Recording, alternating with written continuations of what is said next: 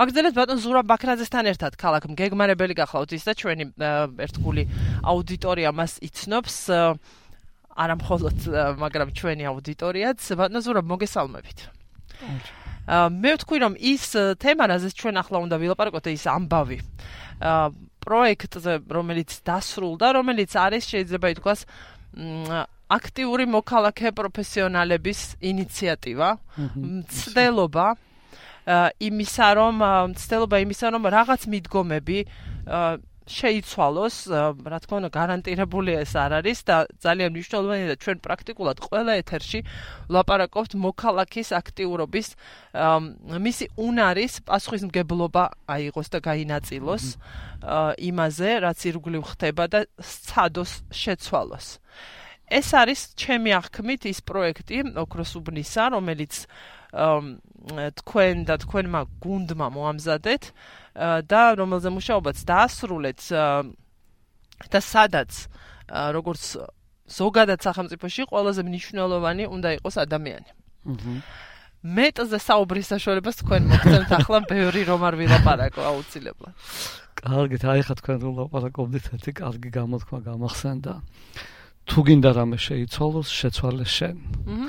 და ეს არის ძალიან მნიშვნელოვანი განწყობა, რომელსაც გვინდა დააეყრდნოს ქალაქგეგმარება განვითარებულ ქვეყნებში სამას ეყრდნობა.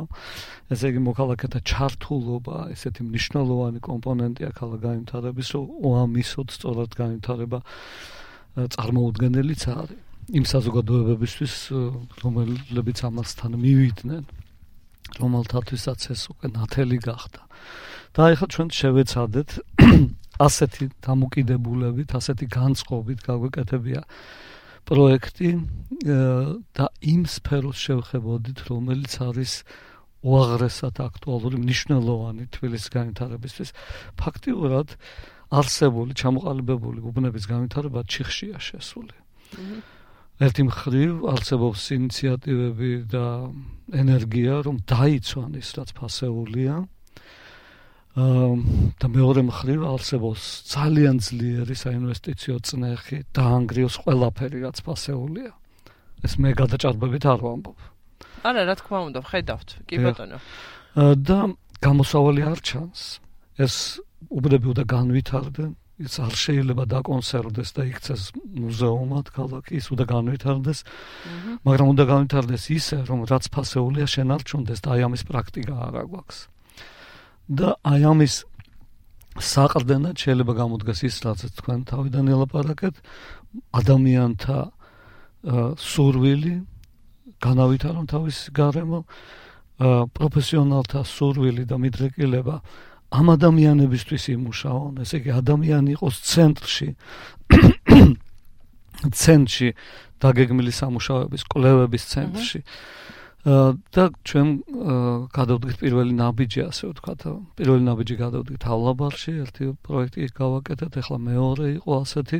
ჩვენ ამ მიმართულებით გვინდა როგორღაც გავარღვიოთ ეს ყრუ დამბა რომელიც მოგცემს ნორმალური განვითარების საშუალებას. აი გუშინ მაგალითად ჩვენი სტუმარი იყო იურისტი კაცი აქტივისტი, რომელიც ძალიან რომელიც ასევე პედაგოგია, კონსტიტუციონალისტი, ძალიან კარგი, რომელიც სწორედ ამაზე ლაპარაკობდა, მოქალაქის მიერ პასუხისმგებლობის განაწილების მნიშვნელობაზე, იმაზე რაც ირგვლივ ხდება და ეს არნიშნავს ეს არნიშნავს იმას, რომ რაღაცა холод საპროტესტო აქციაზე მისვლას, холод თქვათ რაღაცის გაპროტესტებას, ეს ასევე ნიშნავს რაღაცის შექმნის მცდელობას და ამ გზით გარღვევას ასევე, რაც თქვენ ბძანეთ იმ რაღაცა ჩაკეტილი წრის თუ წრეც აღარ არის, რას გავს უკვე აღარ ვიცით, ვიცი რომ ეს გამოთქმა უბრალოდ ასეთი ქალაქ მშენებლობის რეალური ლაბორატორია. რა რა შეგძინათ? რაიმე თქვა როგორ თქვა დარწმუნება რაღაცა გრძნობთ რომ ეს შეიძლება შედეგიანი იყოს რაც თქვენ გააკეთეთ რაღაცა ძალა შეგძინათ ამ ერთად მუშაობამ თუ ეს ასევე თანაბრად მნიშვნელოვანი ამ პროცესში ასევე ის რასაც თქვენ ასწავლით თქვენს კოლეგებს. სამი რაღაც აღნიშნა შეიძლება ერთი ის. ზარი გვაქვს უკაცრავად. მოვუსმინოთ მოდი ჯერ მსმენელს დილამშვიდობის გისმენთ. გამარჯობა გენათრალი ესე გესალმები ფასტუმარს ესალმები და მაგ ასეთი შეკითხვა ეს ორგანიზაცია ხდება ეს ხდება ქალაქში ყველაფერი. ყველაზე მეტი უმუშევრობა და ჩემი აზრით უთაობა ბატონო იმითი ხდება რომ ჩვენ ეს ქარხნები ვიცით რო არ იმუშავებდა მაგრამ ინვესტორს მონახავდი სახელმწიფო კი არ აშენებდი ქარხნის ტერიტორიაზე როგორც კიროვის ქარხანა ერმაუშენებელი ქარხანა იქ თავობას უნდა ეზონა რომ ინვესტორი მოეყოლა ხალხი დაესაქმებინა ხოდა ამითი მოისმობა და უმუშევრობის ერთი გმადლობთ. მაგრამ ჩვენ არ ვიყიდავ შენებულება დავიწყეთ ინტერნეტზე სადაც ქარხანა გუგუნებდა გვადოთ კი კი. დაიხედეთ ნახეთ ერთი ეს მეორე ტრანსპორტი გაუნჯობესაა რა გაუნჯობესა კაცო გუშინ კუგიდან სადგურამდე საათი და რაღაცა უსაათი იმხელა მანძილზე დადის ვიკითხე რამდენი დადის და სამი სამი ავტობუსი დადისო მარტო სანამ ის სამი იქეთ აქეთ რო ივლის აღმართ და ყველაფერი ნაწილია ამის კი. ესე იგი თელი დღე კარგავ დიდი მადლობა. დიდი მადლობა ზარისთვის 2988327-ია ჩვენი ტელეფონის ნომერი. ხო, ყველაფერი ამ განვითალა განვითარების ნაწილია, რადგან მსმენელმა თქვა გისმენთ ბატონო ზურაბ. ხო, მართალი ბრძანა ამ ადამიანმა ეს ქალაქგანვითარების მნიშვნელოვანი ნაწილებია, რომ ქალაქი ვითარდებოდეს სოციალური თვალსაზრისითაც, ესე იგი სამუშაო ადგილები იქნებოდეს, რომ ინდუსტრია რამდენადაც ეს შესაძლებელია ქალაქში ვითარდებოდეს ეს არა მარტო სამშენებლო სამუშაო ადგილებისთვის არის კარგი, საერთოდ ქვეყნის განვითარებისთვის არის კარგი. ეს მნიშვნელოვანი ასპექტია, ისევე როგორც ტრანსპორტი. ოღონდ ახლა ეს ჩვენი საუბრის თემას უშუალოდ არ შეეხება. და მე რაც კითხეთ, აი გრძნობთ იმას, რომ მართლაც შესაძლებელია შეიძლება ადამიანს იმედი გქონდეს, არ ჩერდებოდეს ძალიან მნიშვნელოვანი თვისება მოქალაქის და სულ ცდელობაში იყო, მაგრამ გრძნობთ თუ არა რაიმე პატარა ჭუჭრუტანას. გრძნობთ. ხო, აი, რომ ეს შეიძლება რეალობად იქცეს, აი ეს რეალური ლაბორატორიის მიერ შექმნილი პროექტი. გრძნობთ. ნაწილობრივ მაინც. ასეთ შესაძლებლობას ამაზე მიგვითითებს ის ჩიხი, რომელიც უკვე ვახსენე. ასე ყველა ხედავს, რომ სხვანაირად აღარ შეიძლება, ესე იგი ისე როგორც ახლა აქამდე მიდიოდა მშენებლობა აღარ შეიძლება. დავკარგავთ ან თბილის, ის თბილისი აღარ იქნება. თუ ესე გაგრძელდა ასეთი ინვესტიციების ხელში, ასეთი ყაიდის ხელში. ან კიდევ რაღაც დრაკონულ წესებს შემოვიღებთ, დავკეტავთ ყველანაირ მშენებლობას, შევაჩერებთ, ვაქცევთ ამათ ამას მუზეუმად და არც ერთი არ არ უნდა ხალხს, ხალხს არც ხალხს, არც ხელისუფლებას. ეს გამოჩნდა ნათელია და ეს გვაძლევს იმედს, რომ ეხლა გამოფხიზდება ქალაქის მართლობა და ეს პროფესიულ მიდგომას დაუჯერებს, რომელიც ახლა ჩვენთან არ არის წამოწყებული. ინტერესი გამოიჩინეს. ჩვენ გქონდა პრეზენტაციები ქალაქის მერიაში, სადაც საკრებულოს წარმომადგენლებიც ეცლებოდნენ და ამას მოусმინეს და აღიქვეს როგორც ძალიან პოზიტიური რამე. პრაქტიკული ნაბიჯები არ გადაუდგამთ, ჩვენ ახლა ხვალინდელი კონფერენციისთვის მოვიწვიეთ ისე. სხვა სხვათა შორის 6 საათზე გოეთეს ინსტიტუტში გვექნება ამ პროექტის შემაჯამებელი კონფერენცია და იქ მოვიწვიეთ ეს ადამიანები. და ეს არის ერთგვარი პროცესი და ეს თავისთავად როგორც პროცესი ძალიან საინტერესოა იცით სოციალური თვალსაზრისით შეხედოთ. მესმის რომ რაღაცა არის მიღწახწევი ეს თავისთავად ცხადი არავისთვის არ არის და აი გერმანელი გერმანელი ექსპერტ პროფესიონალებიც იქნებიან ხო კონფერენციაზე როგორც მე ვიცი. და ნიშნულოვანი იქნება ძალიან საინტერესო იქნება. მათი მოსაზრებების მათი გამოცდილების მოსმენას დარწმუნებული ვარ შეცნობები იქაც იყო ხო დაშვებული. თქვენ ერთი რამ თქვით რომ ერთ-ერთ იმედად ხედავთ იმას რომ უბრალოდ ყველანი ხედავთ რომ შეუძლებელია ასე გაგრძელებაო. იცით ხო, არ ვიცი, მე შეიძლება უფრო ესე ვუყურებ, რომ იფიქრებ, რომ აი აქ, აი აქ კიდევ რამის ჩადგმა შეუძლებელია და დაინახა უცებ, რომ სამი ხე მოძირკვეს და კიდევ ერთი корпуსი დაიდგა. ეს შეუძლებლობის ზღვარი თითქოს აღარ არის, რაღაცა იმაში გვაგდებს. რა თქმა უნდა, ეს განცდებთან არის დაკავშირებული, ეს შეუძლებლობა დაკავშირებული ამ განცდასთან, რომელმაც მოიცვა ხა მთელი ქალაქი, რომ ეს რაღაც არასწორად ხდება, თორე მატერიალურად ამ შესაძლებლობები არსებობს, აი სწორედ ჩვენ უბანში ახლა ცოტა მოხდა ხნის წინ ასეთი რამე მოხდა.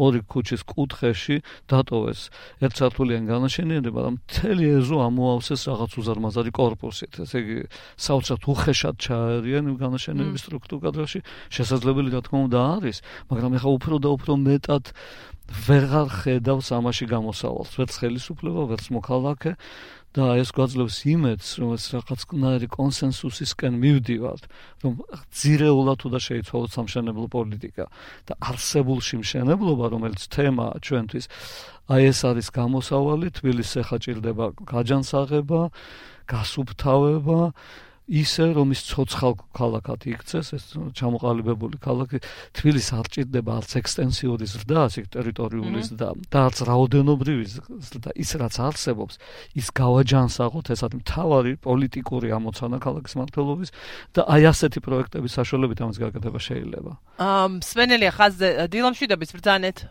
მოგესალმებით ჩემო კარგებო ზუსტად ამას ემთხვევა ის რაც მინდა გითხრათ ბრძანეთ. იმ დროს როცა დაიწყო ჩვენთან კარდახნა პერესტროიკა გარბაჩოვმა ერთმა ჭკვიანმა გადაიღო მულტფილმი. მულტფილმში მაიმუნს მიყავს გასასეირნებლად ცხოველები. ეხლა აღარ ჩამოვთვლი დრო არ წაკარდა. ხო, ძალიან ცოტა დრო დაგვჭა კი, ბრძან. და ფაქტიურად წამოვა წვიმა თხრიში და ესენი ამოწუწულები ბრუნდებიან. და ის ეუბნება ხარა как хорошо было а теперь во что превратились რა კარგი იყო და რაში რად გადაიქცა ხო და გარბაჩოვი მაიმუნი იყო ასტროლოგიურად ასე მახსოვს და დედა ჩემმა თქვა აი ეს დაგვემართება ჩვენთო ის აღარ არის ცოცხალი მადლობ ეხლა ის რაც სანანებელი დარჩა სამარცხინოა ხალხმა უნდა გამოასწოროს ეს ყველაფერი. გმადლობთ. გმადლობთ. იქეთე მოგცეთ ღმერთმა. გმადლობთ. დიდი მადლობა ზარისთვის. მადლობთ. ეს პოლიტიკური განცხადება იყო პოლიტიკას ახლა არ ვეხებით ამდენად. ხო, მაგრამ თქვენ არაერთხელ ახსენეთ ქალაქის ხელისუფლება, რომ მათ ინტერესშიც არის. რა გაძლევთ ასეთი დარწმუნების უფლებას, მით უმეტეს ჩვენ ვიცით და არ ბუნებრივია თქვენ პირველ რიგში არ გავიცდებათ, რომ ლაპარაკი არის თქვენ ამგვარი იდეებით და ამგვარი აქტივობით უპირისპირდებით აი იმ დიდ ინდუსტრიას თუ არ ვიცი რა დავარქვა. ესეც არის, მართლაც ინდუსტრია. და ფულს, რასაც ქვია, ესე რომ გავაერთიანო ყველაფერი корпуსები. იცით რა, ეს ფული თუ სწორად იქნა მიმართული, ინვესტორები ფულს მაინც იშოვიან და ეს ჩვენი პროექტი სწორედ მაგას აჩვენებს, რომ იქ ინვესტორებისთვის მომგებიანი მშენებლობა შესაძლებელია. თუ ამას დაინახავს ამის საჭიროებას ქალაქის მართლობა და ხელში აიღებს სათავეებს, მაგრამ ცოტა ისეთი არსებითი რამეც მინდა ვთქვა. ყველა ადამიანი ადამიანია. ნუ დავაკონსერვებთ, ნუ ჩავსვამთ ისეთ უჯრაში, სადაც არა ადამიანობა, მხოლოდ ყველა მათგანი ადამიანია. ყველა მათგანში არის ადამიანური ნაპერწკალი, რომელიც შეიძლება გააღვივო ინვესტორიც კი, ხელისუფალიც კი. განა ამის არ მიჯერა რომ ყველა ადამიანი ადამიანია, მაგრამ ერთი თქვენ უნდა დაარწმუნოთ ამის გარდაუვალობაში ქალაქის ხელისუფლება და შემდეგ მათ უნდა დაარწმუნონ ინვესტორები იმაში რომ არა ეს უცებ და ადვილად მიიღეთ თქვათ არამედ უფრო მეტად ჩადეთ ამაში გონება გული გნებავთ ამ საქმეში და ისე აკეთეთ თქვენი საქმე. ძალიან რთულად წარმოიდგენია ეს პროცესი თუმცა რა საკვირველია მივესალმები იმას რასაც თქვენ აკეთებთ და რასაც აღმარო ვინმე არ ცურაობდეს არ ცურაობდეს ცუდად წავა საქმე. მოკლედ მოკლედ რაღაცის გაკეთება ყოველთვის შეიძლება ყველა მძიმებმა აი პარკის ამბავი როგორ არის იქ პეტიცია იყო ვიცი ოქროს დიახ დიახ ეს 2-3 წუთი გრჩება და არ მინდა ისე დავასრულოთ რომ არ შევეხო. რომელსაც მოიცავს ჩვენი პროექტი. აი ერთი კონკრეტული ამბავი. ხო, აი ძალიან კარგია ამბავი. ის ტერიტორია მოიცავს ერთ კვარტალს. სადაც არის ხა სიცარიელე, ეს mhm. მთელი კვარტალი ეკუთვნის ქალაქის მართლობას, ესე იგი ჩვენ გვეკუთვნის რა, mhm. ადამიანებს, მოქალაქეებს ეკუთვნით და იყო ესეთი მახინჯი შემთხვევა, გაასხვისა ქალაქის ხელისუფლებამ, ჩვენი საკუთრება გაასხვისა. რაღაც პირობებით ის პირობები ვერ შეასრულა ცენტროინტმა და ქალაქმა უკან დაიბრუნა კიდევ კარგი და ეხლა ეს ქალაქის არის. და ელოდება ახალ корпуსების იდეას. და იცით რა ყველა სიხ პარკის მოწყობა უნდა მთელ უბანს იმათ ამოსასუნთქი არა აქვს. იმათთვის იქნება ეს საშველი რომ პარკი დაასდეს მთელ მოსახლეობას მარტო იმუბნელებს არა. მთელ ქალაქს უნდა იქ პარკის დაარსება. არა და ის იმ წუთში გამოჩნდა იქ დაინტერესებული ინვესტორი. აჰა რომელსაც იქ მომგებიანი რაღაც გაკეთება უნდა. და აი ახლა ქალაქის მართლობა კარგად უნდა დაფიქრდეს ვის მხარეს არის. ესეც ერთ-ერთი საჯილდაო ქვა იქნება მისთვის. და ჩვენ ვაგროვებთ ახლა ამ ხელმოწერებს. ერთი ორჯერ უკვე შეგროვდა ძალიან ბევრი ხელმოწერა შეგროვდა უბანში მიმართა ამ ხალხმა მერიასაც საკრებულოსაც არ დაიძრა საქმე ახლა ვალდებული იქნება ქალაქის მართლობა განიხილოს ეს საკითხი თუ საკმარის ხელმოწერებს მოვაგროვებთ ამიტომ ყველას მოუწოდებთ ვისაც გული შედგება ოქროს უბანზე და ქალაქის გამწვანებაზე. ამ პეტიციას ხელი მოაწერა. ოქროს უბანს, ასე ქვია პეტიციას. პარკი ოქროს უბანს შეგიძლიათ ნახოთ ინტერნეტში. თქვენი იდეა ქალაქის მერს ასე ეს პლატფორმა არსებობს და იმ პლატფორმაზეა ესა, ყველა მოაწეროს ხელი, იქნებ გავიტანოთ. ბანო ზურა ზურა ბაქრაძეა ჩვენი სტუმარი წუთი გრჩება დასრულებამდე როგორ ატყობთ თქვენ? ინდუსტრია თავისით ვერ იქნება. ინდუსტრიაში მშენებლობას გულისხმობ. იმ სახით როგორც ახლა არის.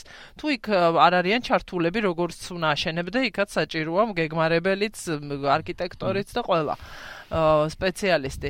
რამდენად არის საკმარის ერთიანობა და მასშტაბი ამ ერთიანობის, რამდენად საკმარისი იმისთვის, რომ მიდგომა ქალაქ განვითარების შეიცვალოს პროფესიონალებს შორის, თქვენს კოლეგებს შორის. ეს არ არის საკმარისი ეს არა იმ სახით როგორც თქვა თქვენი ჯგუფი არ ეს ეს ერთობა საკმარისი არ არის ამ პროცესში ჩართულები იქნებიან და არიან კიდევაც პროფესიონალები და ისინიც ადამიანები არიან. ისინი ისინი თლად ინვესტორთა მონები ხომ არ არიან? ეხლა ყველაფერი იმაზე მიუთითებს, რომ ინვესტორთა მონები არიან, რასაც ეუბნებიან, იმას ხაზავენ, ამაში ჰონორარებს იღებენ და კარგად ცხოვრობენ. მაგრამ ამას ამით ამოიწურება იმითი ადამიანობა. კარგად ცხოვრობენ, არის ხო ძალიან ისეთი გაგება, გაში როგორ ცხოვრობენ ხო, როგორ ცხოვრობენ კარგად. და თავის თავის თავს კითხონ ერთი რა, ვინ არიან? და ესეთი კითხვები ყველას ებადება და იმედი გვაქვს, რომ ამ კითხვებზე სწორ პასუხებს გაცნებენ, თუნდაც თავის თავთან მარტო რომ დარჩებიან, მაშინ მაინც და მაშინ იქნებ სხვა გზას დაადგენ რა. იყოს ასე თქვენი განწყობით დავასრულოთ აი ამ ფრაზით, ამ იმედით დღევანდელი გადაცემა ბატონო ზურაბ ძალიან დიდი მადლობა მობრძანებისთვის, რასაც აკეთებთ და რასაც ცდილობთ. მეც გმადლობთ ასეთ შესაძლებლობებს. ვაკრაძე, ქალაქ მგეგმარებელი იყო ჩვენი სტუმარი დილის საუბრებისა. გადაცემას უძღვებოდი ნინო გელაშვილი. გემშვიდობებით, ხვალამდე თვალყური გვადევნეთ ინტერნეტში 19 საათზე რადიო თავისუფლების საღამოს გადაცემა გელით 23 საათზე კი ეხო კავკაზას რუსულენოვანი პროგრამა. ლაპარაკობს რადიო თავისუფლება.